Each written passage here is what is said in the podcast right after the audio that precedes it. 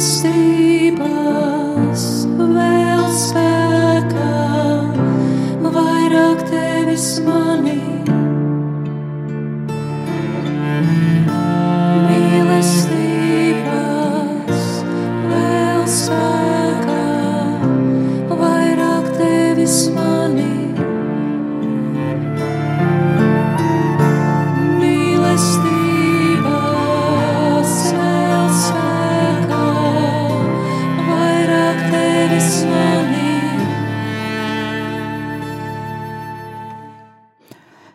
Esiet sveicināti, mīļie radioklausītāji, lai top slavēts Jēzus Kristus. Uh, ar jums kopā atkal es, Sandra Preis, un raidījums vairāk tevis manī.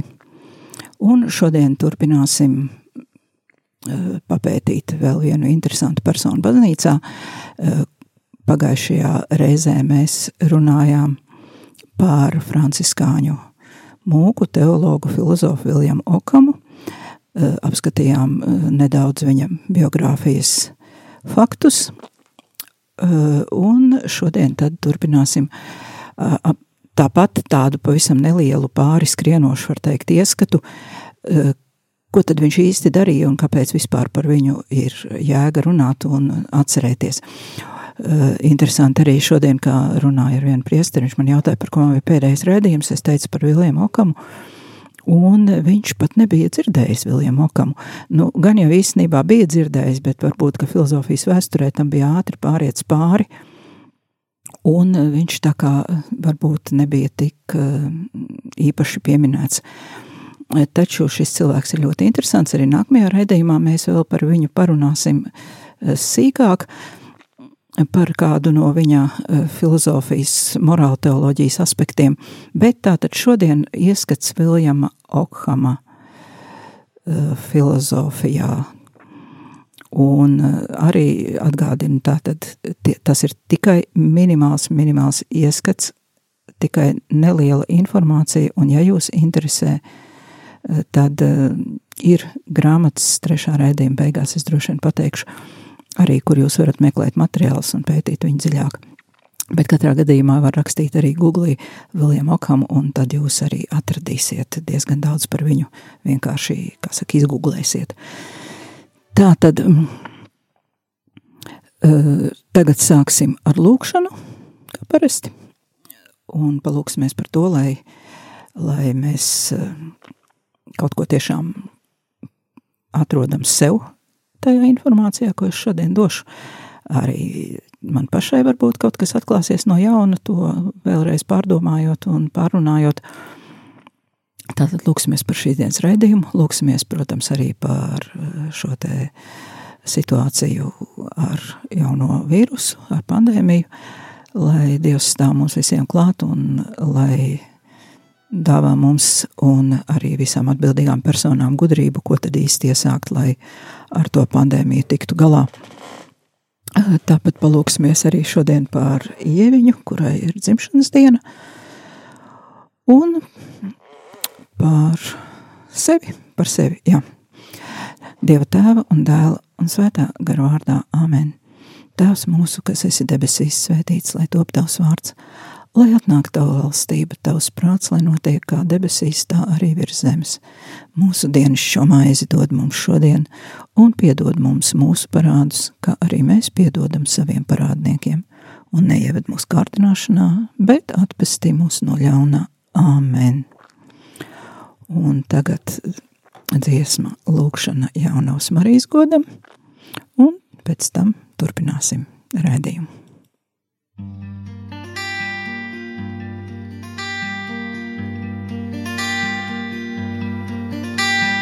Maria Regina Mundi. Maria Mater Ecclesiae Tibia sumus Tui memores vigilamus. Vigilamus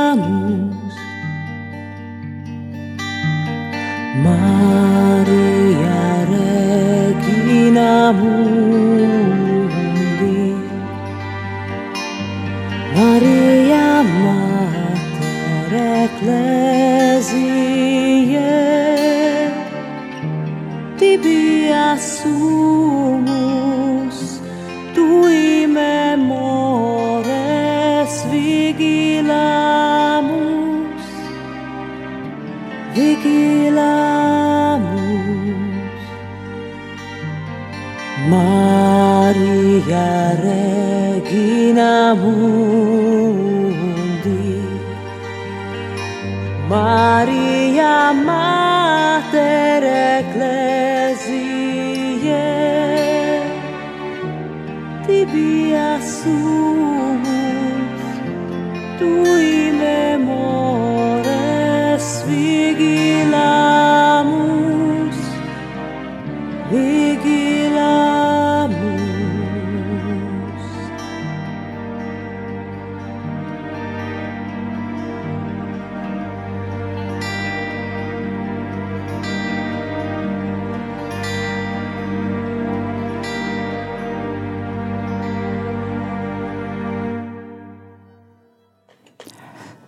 raidījums vairāk ties manī.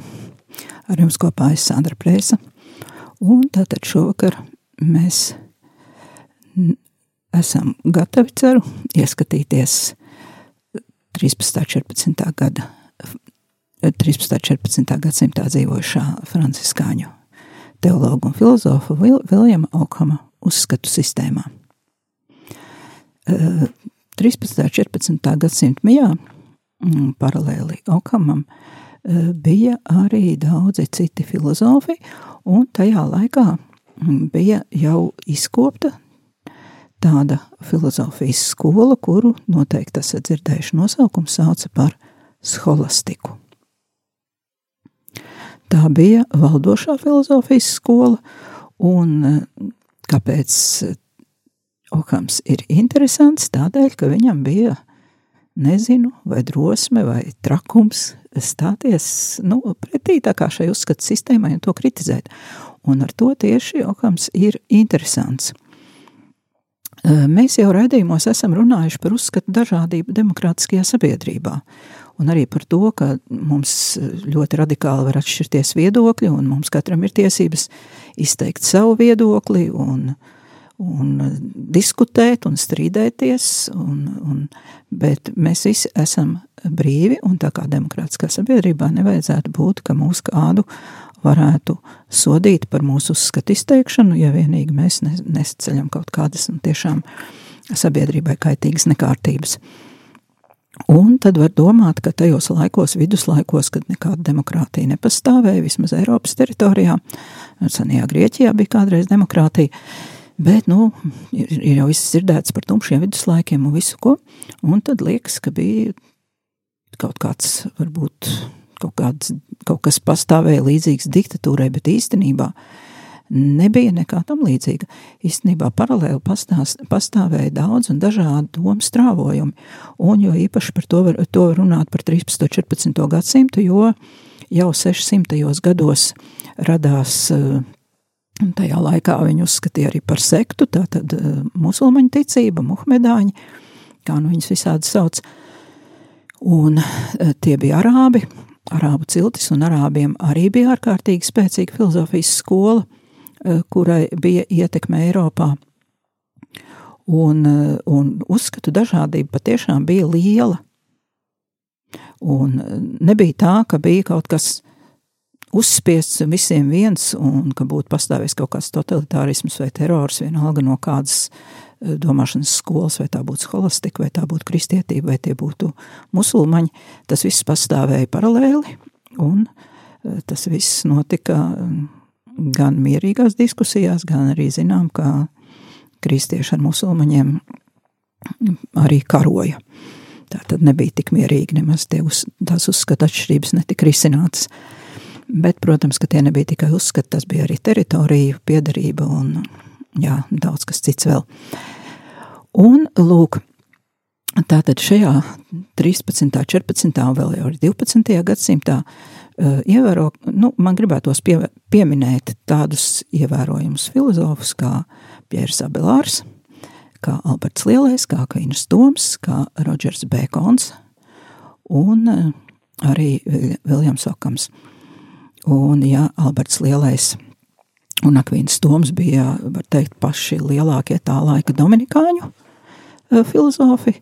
Tad savukārt Rodžers Bekons un Viljams Okams pārstāvēja franciskāņu skolu. Un tas ir tā ļoti interesanti, kā šie abi bija ubagotai ordeņi, bet tieši viņiem bija tie aktīvākie uh, un izcilākie zinātnieki abos ordeņos.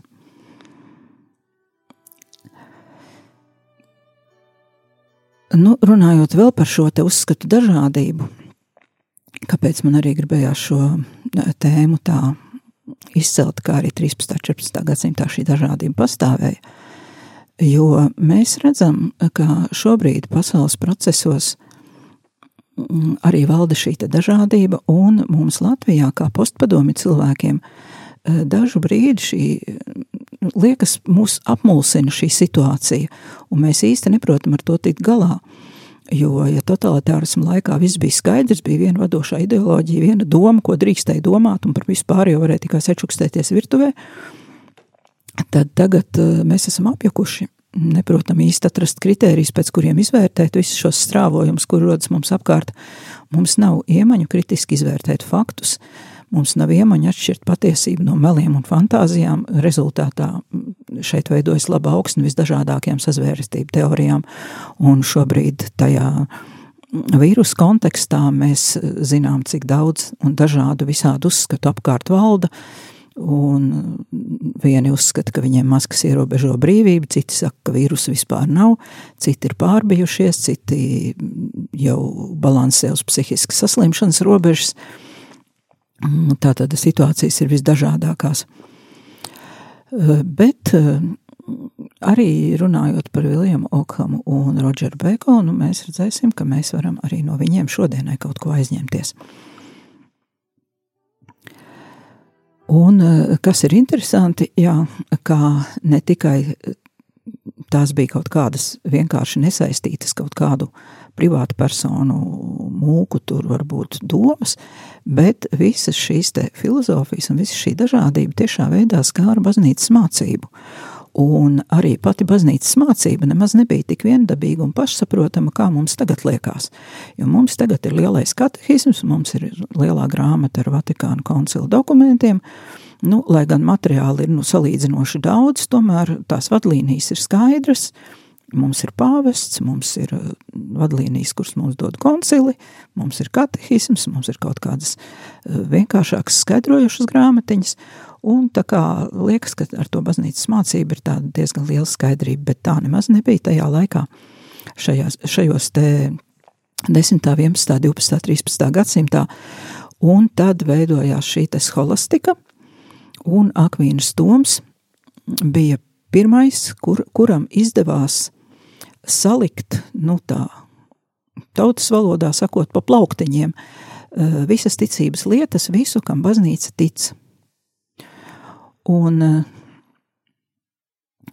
eh, tas bija ārkārtīgi vajadzīgs tādēļ, ka radās šai laikā, protams, kā es teicu, bija daudz dažādu domu strāvojumi, un veidojās dažādas, nu, teiksim, novirzes, varbūt no kristīgās ticības, teiksim tā, bet arī šīs te novirzes, eh, viņas bija tā, nu, grūti formulējums, grūti atmaskojams, eh, jo nebija jau, ja nav tādas skaidras mācības un tāda skaidra virziena, pie kā turēties, tad jau arī nevar teikt, ka kāds ir novirzījies.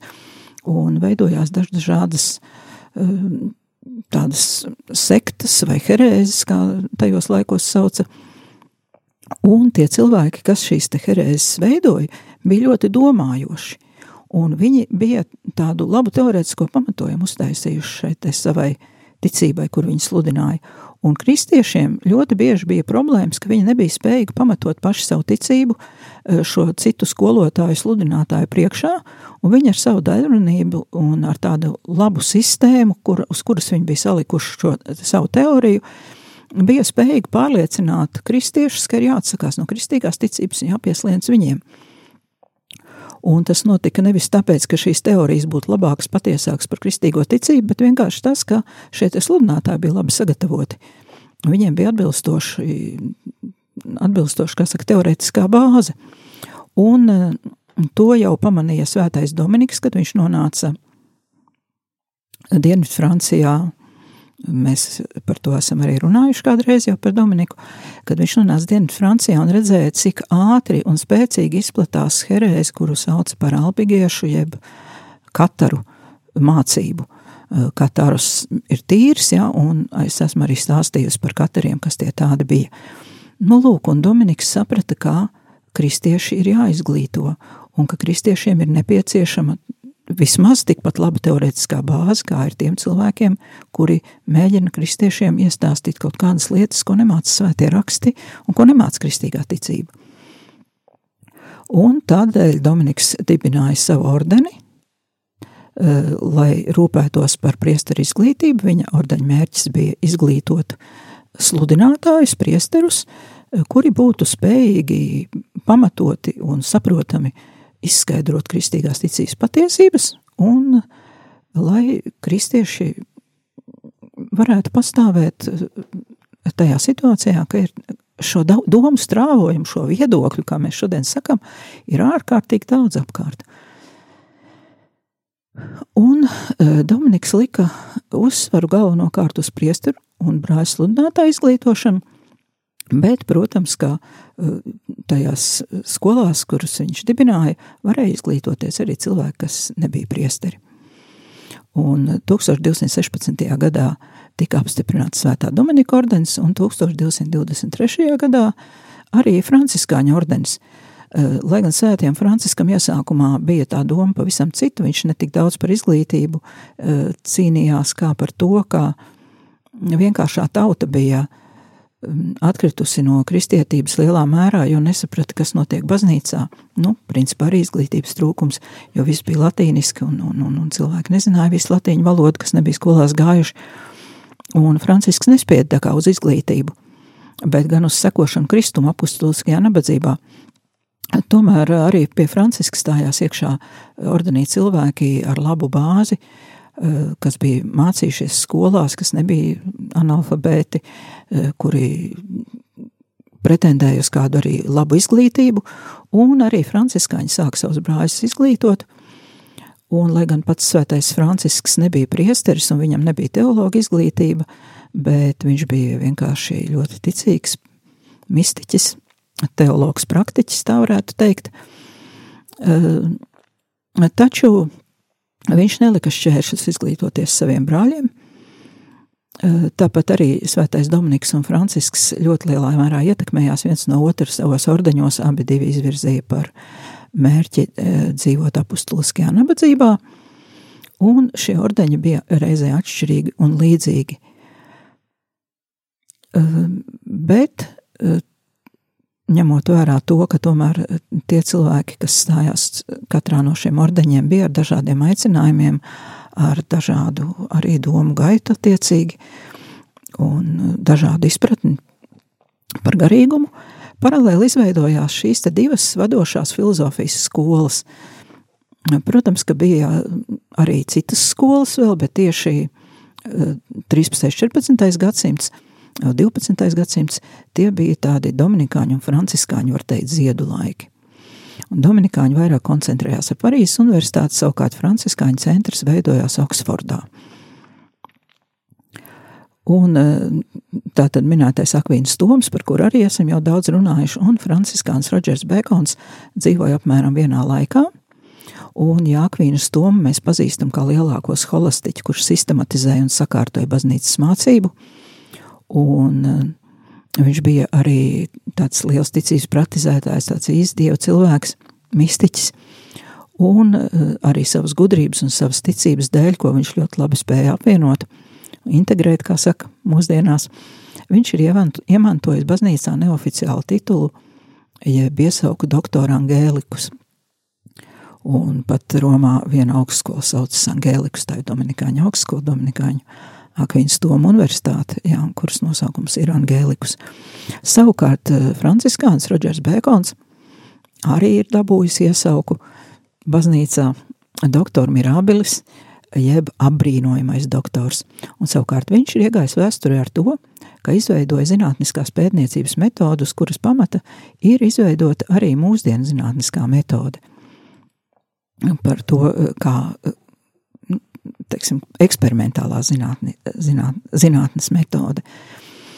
Un ja Alberts Lielais, kas dzīvoja pirms Akvīnas Toma, bija viņa skolotājs, arī bija liels dabas zinātnieks, bet viņš daudzus savus atklājumus noslēpa un pat ir sadedzinājis arī savus darbus vienu daļu, jo viņš saprata, ka viņš ir savā gudrībā un savos atklājumos tik ļoti aizsteidzies priekšā savam laikam, ka viņa atklājumi nebūs saprotami un ka viņš vienkārši tiks apsūdzēts herēzē, jo cilvēki nespratīs, par ko viņš runā. Un, lai neradītu konfliktus, viņš tā kā aizgāja tādā pazemībā un ļoti daudzas lietas um, nav mums saglabājušās nākamajām paudzēm. Savukārt Rodžers Bēkons savu zinātniskos atklājumus publicēja, nebaidoties nonākt pretrunā ar savu laika zinātniskās domas viduvējību, ja tā varētu teikt.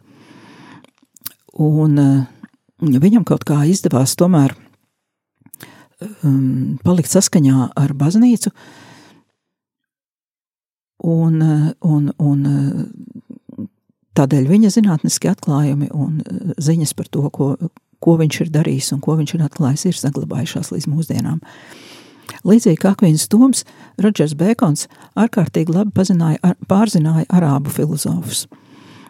Taču, ja Akvīns Toms vairāk nu, Akvins Toms gan arī mazliet tur aizrāvās ar arābiem, jo mm, baznīcai pat likās, ka par daudz, jo, jo tajā laikā grieķu filozofus nevarēja, nebija saglabājušies oriģināli grieķu valodā, piemēram, Aristoteles, Platons, bet arābi bija um, tos iztulkojuši arābu valodā, bet, protams, ar saviem uh, jau musulmaņu komentāriem. Uh, Un, un tad tur vajadzēja tā, vispirms zināt labu arābu valodu, un pēc tam mācīt eh, atsijāt šo te arābu daļu nost, lai varētu saprast, ko tad īsti ir Aristoteles rakstījis. Piemēram, un tā tad arī Bekons un Akvīns Doms ļoti labi zināja arābu valodu, pārzināja arābu filozofus un pārzināja arī senās Grieķijas filozofus. Un Jākvīns Toms mm, vairāk strādāja pie tā, kā, kā izskaidrot eh,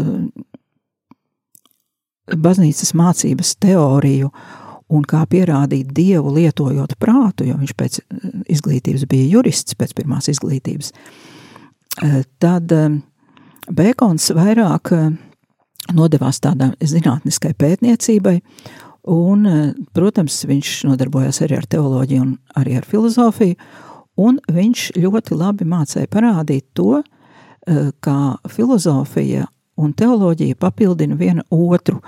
Ja Akvīns Toms īsti nešķīra filozofiju no teoloģijas, tad eh, Bēkons eh, centās nošķirt teoloģiju no filozofijas, taču parādīja, ka tās vienu otru ļoti labi parā, papildina.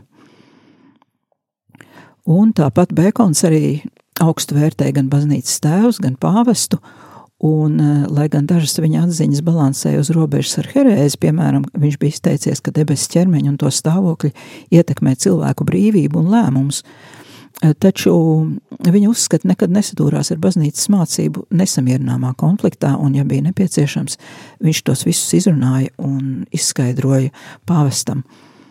Bēkons bija atklāts un nebaidījās kritizēt neko, ko uzskatīja par kritizējumu, taču viņš prata saglabāt mērenību, un viņa kritikas vienmēr bija pamatots un objektīvs. Viņš kritizēja arī dažas scholastikas pārmērības, taču nekad nenostājās pret scholastikas pamata postulātiem. Un tāpat viņš arī apzinājās, ka ne katrs viņa darbu lasītājs ir spējīgs saprast pilnībā viņa darbus, uh, jo viņš patiesi bija ļoti, ļoti apdāvināts un, kā jau teicu, it kā par agru piedzimis, vismaz pāris simts gadus par agru, lai viņu saprastu eh, plašākas, eh, plašāki, plašākas tautas masas, teiksim, eh, tad Bēkons savos darbos arī lūdz lasītāju nejaukt savu fiziku ar zīlēšanu, ķīmiju ar alķīmiju un astronomiju ar astroloģiju un tāpat viņš ar apbrīnojumu godavību izturējās pret pāvestu un baznīcas hierarhiju.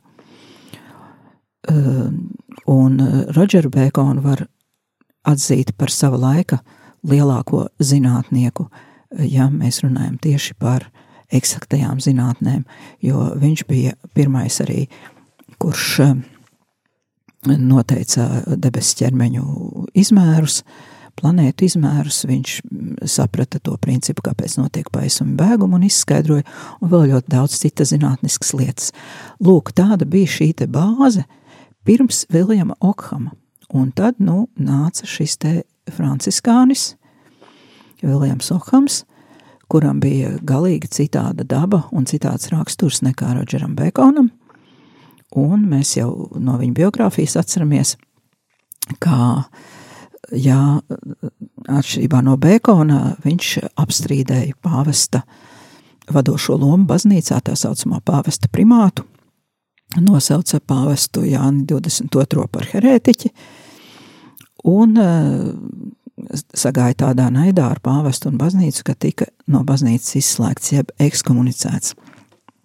Taču par spīti tam, Eh, arī viņam baznīcā ir dotas tādas iesaukas, eh, kuras liecina, ka viņš ar savām zināšanām un ar to, ko viņš ir savā mantojumā atstājis, ir, eh, ir arī tomēr ievērojams cilvēks visā šajā te filozofu plejādē.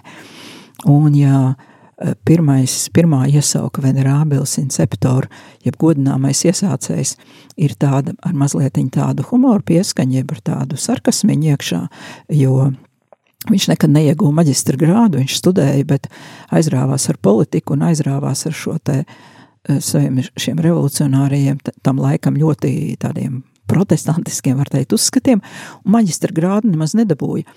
Eh, taču, ņemot vērā to, kā vēlāk viņa uzskati daudziem iepatikās un tika plaši izmantoti arī baznīcā, baznīca atstāja iespēju arī uz baznīcas mācību, tad viņam pat ir dota tāda iesauka doktor invincibilis, jeb neuzvaramais doktors, kas zināmā mērā pat ir pārsteidzoši, jo viņam taču nebija pat maģistra grāda, bet viņš ir ieguvis šādu te doktora iesauku. Bet kas tad ir tas, kādēļ viņš ir ievērojams? Vispirmām kārtām mēs esam daudzos raidījumos runājuši par kritisko domāšanu un par loģiku un par to, kādā veidā mēs varam noteikt, vai kaut kāds izteikums ir loģisks, vai kaut kāds izteikums ir patiess, vai tas balstās patiesos faktos, vai fantāzijās, vai izdomājumos. Un lūk, tieši loģikas un kritiskās domāšanas jomā Viljams Okams bija ārkārtīgi spēcīgs un ir patiešām atstājis lielu ietekmi uz tieši šādu domāšanu, kritisku domāšanas veidu. Okhamam bija ārkārtīgi asprāts un eh, loģiskās domāšanas un, un kritiskās domāšanas jomā viņš ir viens no spēcīgākajiem. Eh, tāpat viņš ir arī viens no galvenajiem nominālisma pārstāvjiem, uh, par nominālismu mazliet pastāstīšu tālāk. Un tā tad, kā zinām, nodarbojās arī ar politikas filozofiju un ir atstājis neizdzēšamas pēdas vēlāko pauģu izpratnē par morāli un ētiku. Un viņa uzskati e, morāla teoloģijā visu laiku ir gājuši tā kā paralēli ar Akvīnas Toma uzskatiem. Un uh, nākamajā reizē mēs tieši par morāla teoloģiju un par, šie, par šo uzskatu atšķirību parunāsim, un arī varbūt varēsim izdarīt kādus interesantus secinājumus. Uh, un tas ir tāpēc, ka uh, Dominikāņi bija tādi, vismaz tajā laikā, Dominikāņi bija tādi īsti scholastiķi, tādi īsti scholastiskās filozofijas aizstāvji, bet scholastiskā filozofija vairāk nodarbojās ar tādu lietu izskaidrošanu, ja? gan ar šo te baznīcas mācības un ticības lietu izskaidrošanu, gan arī eh, tās lietas, ko viņi vēroja dabā, viņi nevis mēģināja kaut ko jaunu atklāt, bet viņi mēģināja tā kā izskaidrot. Nu, izskaidrošana jau arī zināmā mērā ietver sevī kādus atklājumus, bet tā tad eh, scholastika bija vairāk tāda uh, izskaidrojoša un tāda, ka viņa salika pa plauktiņiem visu to, ko cilvēki tā kā jau zināja, bet nemācēja īsti pateikt, nemācēja īsti saprast, kas no kā izriet un tā tālāk. Savukārt franciskāņi tā tad bija lielie zinātnieki un kritiķi. Viņi nodarbojās ar pētījumiem, viņiem bija daudz jaunu zinātnisku atklājumu, un viņi arī kritizēja holistiku. Kritizēja vietām pelnīti un vietām arī nepelnīti. Lielākā daļa no franciskāņiem, protams, iekļāvās, mm, kā saka, baznīcas rāmjos un nekādu revolūciju netaisīja, bet, kā jau zinām, tātad Okams izcēlās ar šo te mm, tādu ļoti tādu asu komunikāciju, kuras dēļ viņš bija spējīgs sastrīdēties ar pašu pāvestu. Un uh, tagad tad ieskatīsimies mazliet uh, tajos viņa politiskajos uzskatos. Savos pretrunīgi vērtētajos rakstos Okams parādās kā sekulārā absolūtisma aizstāvis. Ja tajos laikos bija tā, ka pāvests iesvētīja uh, faktiski nu, apstiprināja katras valsts valdnieku, un bez pāvesta apstiprinājuma valdnieks nevarēja būt valdnieks vispār.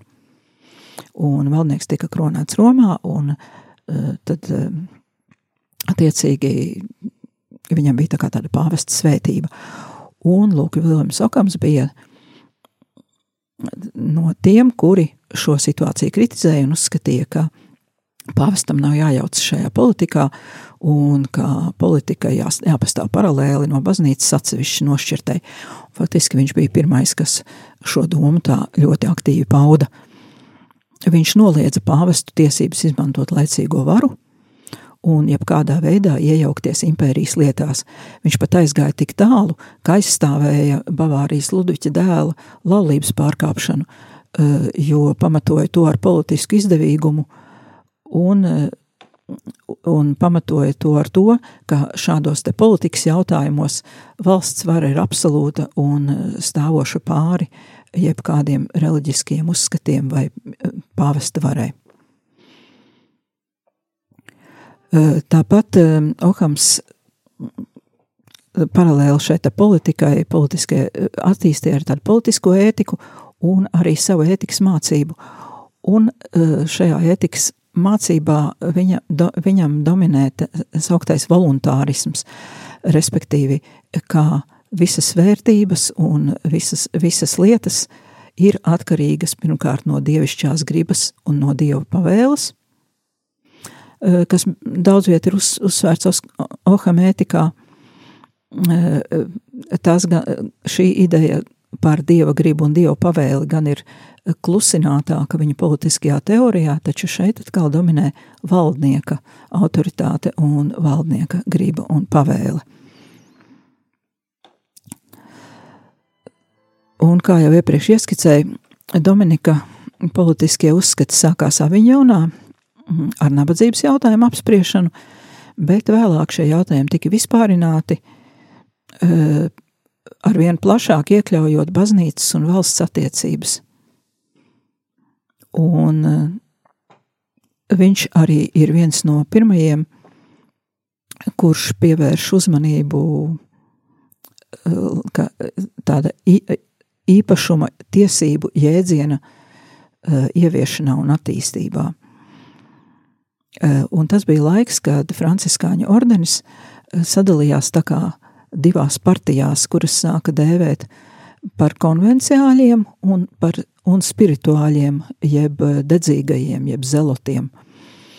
Un tā tad šie te spirituāļi, jeb garīgie, mm, eh, kuru vidū bija arī Ohams, un arī tie franciskāņu brāļi, eh, kuri ar viņu kopā bija Aviņonā sastrīdējušies ar pāvestu, un citi trim, trimdinieki, viņi centās saglabāt sākotnējo bargās nabadzības ideālu, ko praktizēja un aizstāvēja pats svētais Francisks – Savukārt konvencionāļi atzīst, gan atzīst šo ideālu, bet bija gatavi kompromisiem, lai apmierinātu sava lielā un organizētā reliģiskā ordeņa praktiskās vajadzības.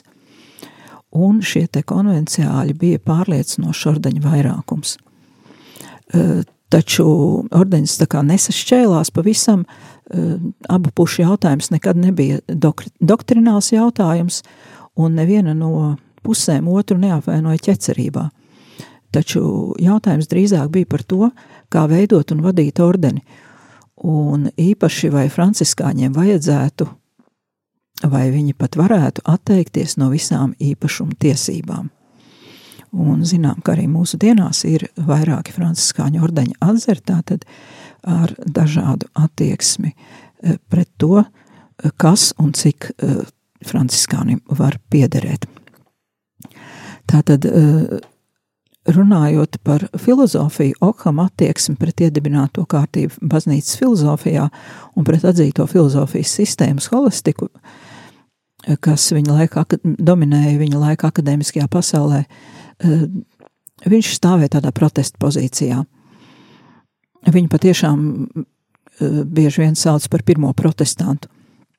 Un neskatoties uz to, Tomēr viņš savos polemiskajos rakstos atzina baznīcas autoritāti garīgos jautājumos un nekādā ziņā nemazināja šo autoritāti. Viņš iestājās tikai par to, ka baznīcai ir jābūt nošķirtai no politikas, no valsts.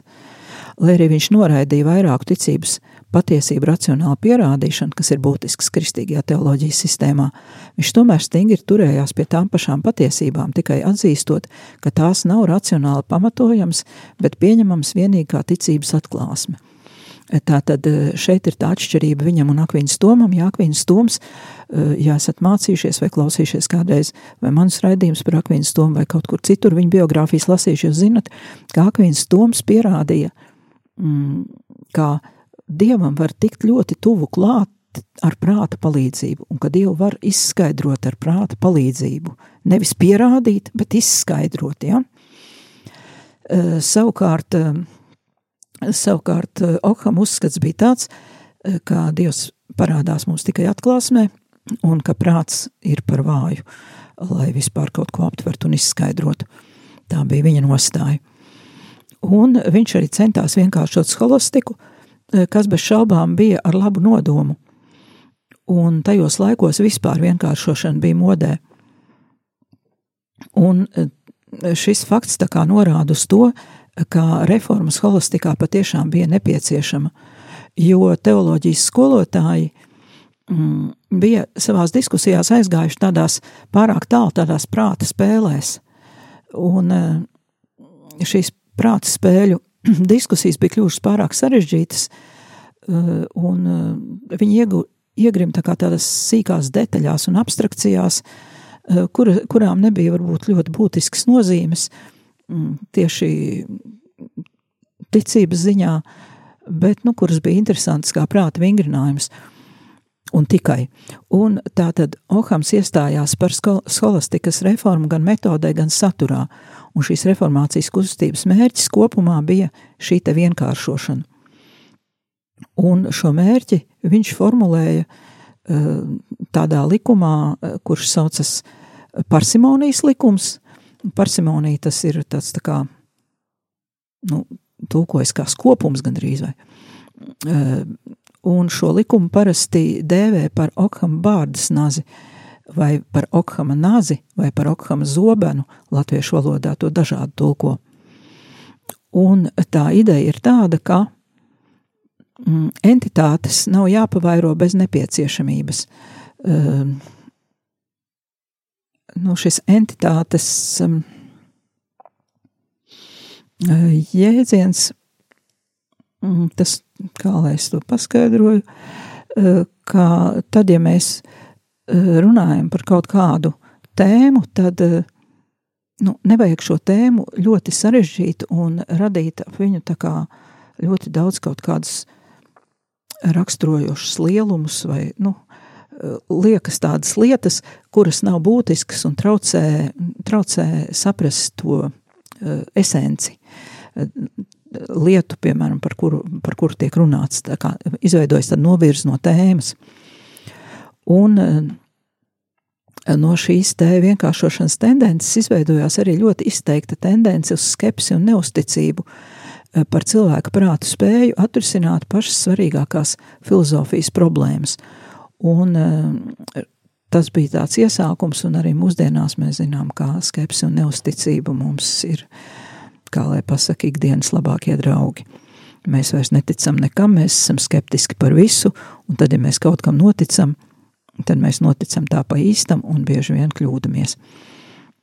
Bet tas gan vairs nav Okhams, jo Okhams bija kritiskās domāšanas speciālists, un viņš ļoti, ļoti sekoja tam, lai pēc iespējas mazāk būtu loģikas kļūdu. Bet ša, savā vienkāršošanas procesā Okhams noliedz tādu lietu kā universālijas, jeb intencionālās esamības, noraidīja atšķirības starp būtību un esamību un protestēja pret tomistisko aktīvā un pasīvā intelekta doktrīnu. Un galvenē, galvenais, kur parādās viņa skepse, ir tas, ka cilvēciskais saprāts nevar pie, pierādīt ne dvēseles nemirstību, ne dieva esamību, ne dieva vienotību un bezgalību. Un viņš uzskata, ka šīs patiesības mums ir zināmas tikai un vienīgi no atklāsmes, nevis no zinātniskiem pierādījumiem. Tā, tā, taču Okhama nominālisms gan pirmajā, gan otrajā nozīmē tiek uztverts kā atvasināts no kopējā avota un no rūpēm par to, lai katra lieta vai priekšmets būtu pēc iespējas vieglāk uztverams un saprotams. Un šis te Okhama sauklis Eh, ka nevajag pavairot neko bez vajadzības. Eh, šī ideja pieder Okhamam, taču šis te sauklis, kā viņš ir formulēts, eh, it kā nesot atrodams nevienā no Okhama darbiem. Un jautājums, protams, paliek par to, mm, kuras tātad entitātes un entīlijas ir vajadzīgas un kuras nav. Un runājot par, par universāliju, man gribētos dot tādu varbūt vienu mazu skaidrojušu piemēru, piemēram, tāds ļoti primitīvs piemērs - galds. Mēs realitātē redzam rakstām galdu, avīžu galdiņu, virtuves galdu, uh, Mēs tos iepazīstam ar savām intuitīvajām spējām, ar maņām. Mēs varam, mēs redzam, mēs aprakstam, kāds tas ir, kā tas galdiņš, kā viņš funkcionē. Bet vai pastāv kaut kas tāds kā galda ideja, kaut kāds vispārināts ideālais galds, no kura tad izriet visas šīs reālo galdu formas? Nu, lūk, tā ir tā universālī. Tā tad ir kaut kāda ideja par galdu, kaut kāds ideālais galds, vai viņš pastāv, un vai ir bijis tā, ka pa priekšu bija šī ideja par šo ideālo galdu, un pēc tam tika veidoti kaut kādi galdi ar noteiktu funkciju, ja varbūt tas ir tieši otrādi, ka mums ir bijusi vajadzība pēc konkrēta, piemēram, avīžu galdiņa, mums ir bijusi konkrēta vajadzība pēc darba galda, pēc virtuves galda, un pēc tam mēs tā kā esam to visu apvienojuši tādā izdomātā jēdzienā, abstrahējuši un izveidojuši šo jēdzienu galds. Un Ohams uzskatīja, ka drīzāk tas ir no šā gala. Un, ja mēs, piemēram, paskatītos attiecībā uz automašīnām, tad varbūt mēs to redzētu citādi. Jo nu, nav jau tā, ka kāds izdomāja žiguli, kāds izdomāja zaporožets, kāds jaguāru, un tad visi kopā tā, ah, jā, nu šitos visus kopā varētu par mašīnām saukt, vai ne, ja par automobīļiem, ja vēl kaut kā. Ka tomēr runājot par automobīļiem, droši vien, ka pa priekšu bija šī ideja, šī universālā ideja, un tikai pēc tam uh, sekoja šī sadalīšanās. Un tad par to entitāšu pavairošanu varētu teikt tā, nu cik tad, cik tad mēs tos automašīnu modeļus ražosim, cik mums viņus vajag. Varbūt, ka pietiek ar vienu, diviem. Ja? Tas būtu tas, nu, tādā ļoti vienkāršotā veidā paskaidrot šis te Okham bārdas nazis, ja? ka apcērtam visu lieko, nu, kāpēc mums vajag simtiem rūpnīcu, kas ražo simtiem atšķirīgas mašīnas, ja viņas, viņas principā visas brauc, uh, ar viņām principā ar visām var aizbraukt no Rīgas uz Daugavpilti. Kāpēc vajag tik daudz? Nu, apcērtam, nu, taisam trīs modeļus un pietiek. Ja? Un tas ir tas bādas princips, tātad apcērtam visu lieko. Tie bija tādi rupi piemēri, bet, eh, nu, lai varētu labāk saprast, ko tad tas Ohams tur darīja ar to savu bārdas nazi. Nu, lūk, eh, tas tāds es centos tā ļoti vienkārši un tā kaut cik, kaut cik pastāstīt viņa tā, to attieksmi pret filozofiju un to viņa mantojumu. Un, un, un vēl viens piemērs, mm, kurš ir tāds arī vienkāršs, arī, arī varētu teikt tāds vulgārs, bet kurš mums liek domāt, kāpēc dažreiz šī apciršana un to saucamo universāliju likvidēšana nav laba, ja mēs, piemēram, paskatāmies uz vārdu cilvēks. Tātad, eh, ja mēs likvidējam šo universāliju cilvēks, jeb ja mēs viņu vairs neuzskatām par universāliju, bet tikai par kaut kādu dzīvnieku sugas nosaukumu, eh, tad, eh, tad mums rodas jautājums – vai sieviete ir cilvēks? Nu, sieviete ir sieviete, vīrietis ir vīrietis. Tur krāsainais ir krāsainais, tur latvietis ir latvietis, ebrejs ir ebrejs. Bet vai viņi visi ir cilvēki? Un vai šis te nosaukums cilvēks tā tad ir kaut kāds abstrakts izdomājums, ko mēs esam izdomājuši, lai apvienot tos, kas tur uz divām kājām staigā, kam ir divas kājas, divas rokas, viena galva, un, un kuri staigā vertikāli. Un, eh, ja nepastāv šī universālie cilvēks, eh, tad varbūt mēs varam kaut kādus, kaut kādu tautu vienkārši iznīcināt, aizbildinoties ar to, ka tie jau nav cilvēki.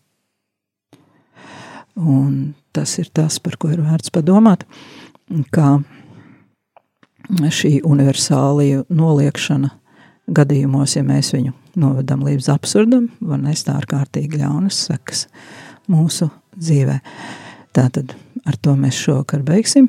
Nākošo reizi paskatīsimies mm, par Okhama uzskatiem attiecībā uz ētiku un morālu teoloģiju, jo tā ir tā joma, galvenā joma, ar kuru, uh, ar kuru viņš ir nozīmīgs baznīcā, jo jo viņa mācības ietekme baznīcas morāla teoloģijā ir salīdzinoši liela.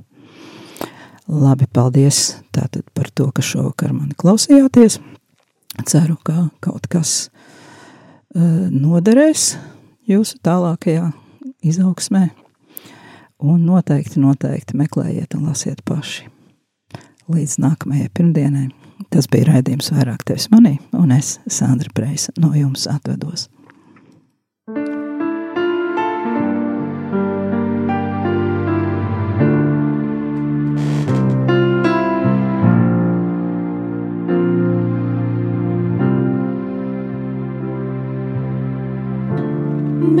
stay.